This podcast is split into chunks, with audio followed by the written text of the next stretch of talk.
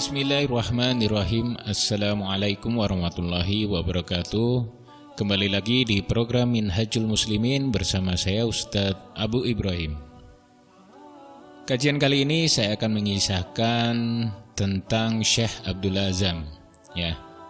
Siapa sih yang tidak mengenal beliau? Siapa yang tidak pernah mendengar namanya? Siapa yang tidak pernah mendengar kisahnya yang luar biasa? Seorang tokoh pejuang Islam yang telah menghadap Allah dengan begitu indahnya. Hampir setiap muslim yang eh, yang memperhatikan kondisi dunia Islam di tahun 80-an ya, pasti mengenal nama dan sosok Abdul Azam dengan baik. Dia adalah simbol jihad Afghanistan saat mengusir pasukan kafir Rusia. Dan kini hampir puluhan tahun berlalu ya, namanya masih lekat dikenang dalam hati para pejuang Islam di seluruh dunia. Meski label gembong teroris juga dikaitkan dengan namanya ya oleh para kafirin itu. Namun siapa pun yang mengetahui kondisi perjuangan jihad Afghanistan ketika itu ya tak pernah terbesit sedikit pun bahwa Abdullah Azam adalah seorang teroris ya. Ketika orang memahami Islam dengan benar tidak mungkin ya meyakini Abdullah Azam adalah seorang teroris. Bahkan sebaliknya, ia adalah seorang pejuang sejati yang begitu tinggi kasih sayangnya kepada kaum muslimin. Ya. Beberapa waktu eh, dulu ya, ketika sejumlah tokoh mengingatkan tentang kenangan syahidnya tokoh jihad Afghanistan itu ya. Salah seorang murid beliau yang kini tinggal di Mesir ya, bercerita tentang Abdullah Azam. Saat beliau sedang melakukan perkemahan, pada suatu acara, semua yang mengikuti Muqayyam itu diperintahkan oleh komandan lapangan, kalian berlarilah mengelilingi lapangan ini sebanyak yang kalian bisa, kata komandan lapangan tuh. Semua peserta perkemahan berlari. Namun setelah beberapa putaran sudah ada yang menyerah dan ada mereka yang menyerah beralasan bahwa Allah tidak akan membebani seseorang melainkan sesuai dengan kesanggupannya. Inilah yang saya mampu katanya. Begitu pula orang-orang yang menyerah selanjutnya, mereka selalu beralasan dengan ayat 286 di surah Al-Baqarah ya. Ya. La yukallifullahu nafsan illa. Nah, dan yang sisa pun semakin banyak yang nyerah ya, sampai tinggal Abdullah Azam sendirian nih. Beliau terus berlari mengelilingi lapangan tersebut sampai akhirnya beliau pingsan.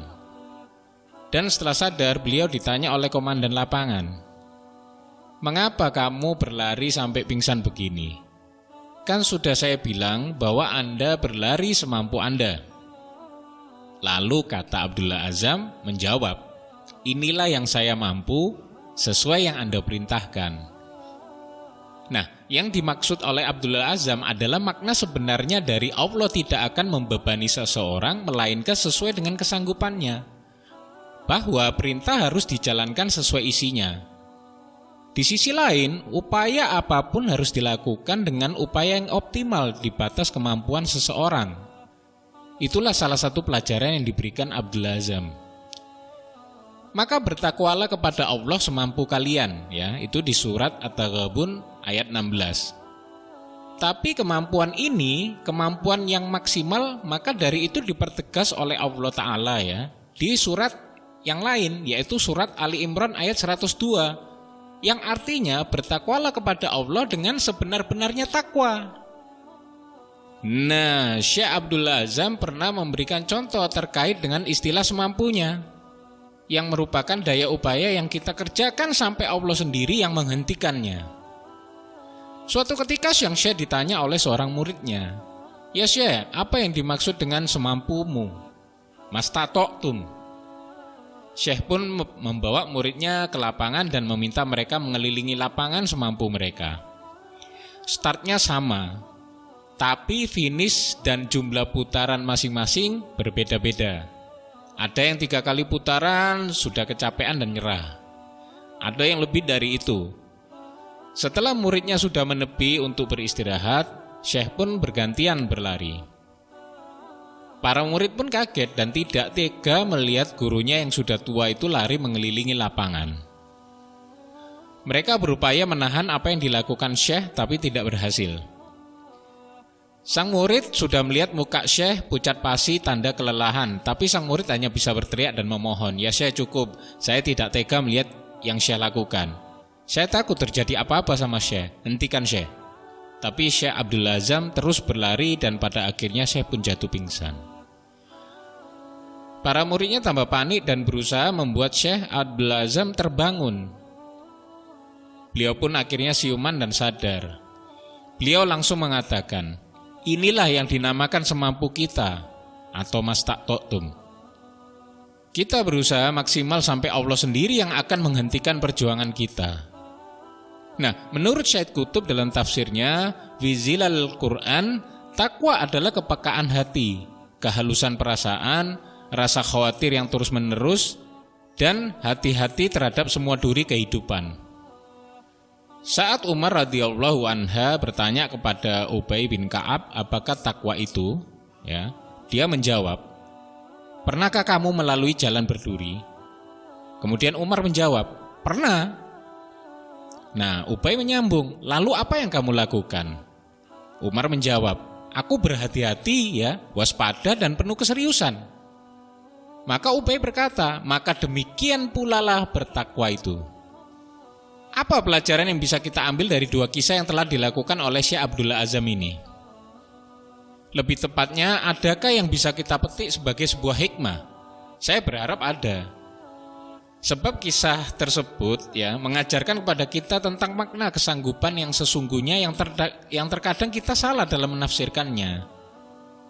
Ya, Syekh Abdullah Azam mengajarkan kita tentang hakikat berusaha maksimal. Hakikat untuk tidak mudah menyerah Hakikat untuk terus bergerak dan berbuat sampai Allah sendiri yang membuat kita berhenti. Pelajaran untuk terus berjuang sampai akhir, sampai waktu yang ditentukan untuk kita udah benar-benar habis. Benar-benar tidak tersisa untuk kita. Nah, begitupun dengan dakwah. Dakwah harus senantiasa ditegakkan, apa pun kondisi dan konsekuensinya. Ya. Apa pun tantangannya, dakwah harus tetap dijalankan meski hanya sedikit yang mendukung atau mungkin nggak ada yang sama sekali tuh yang dukung. Nah, Syekh Abdullah Azam mengajarkan dengan baik tentang kita semua.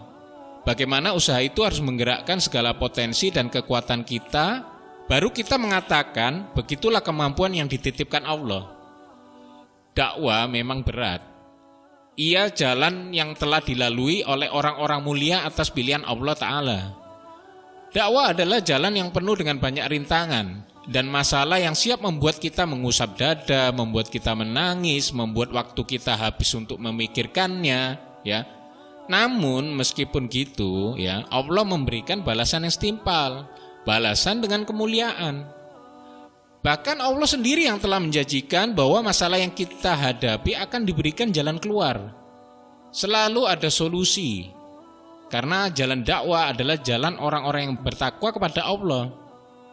Nah, lalu untuk apa mengeluh dan berputus asa dalam dakwah jika Allah telah menjaminkan jalan keluar atas masalah yang akan kita hadapi?